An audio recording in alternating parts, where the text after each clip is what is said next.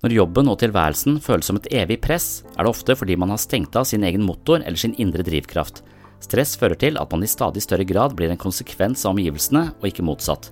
Man mister evnen til å skape sitt eget liv og installere egen mening og engasjement i det man foretar seg. Det mest bekymringsfulle aspektet ved kjedsomhet er nettopp at det kan være begynnelsen på depresjon og angstproblemer.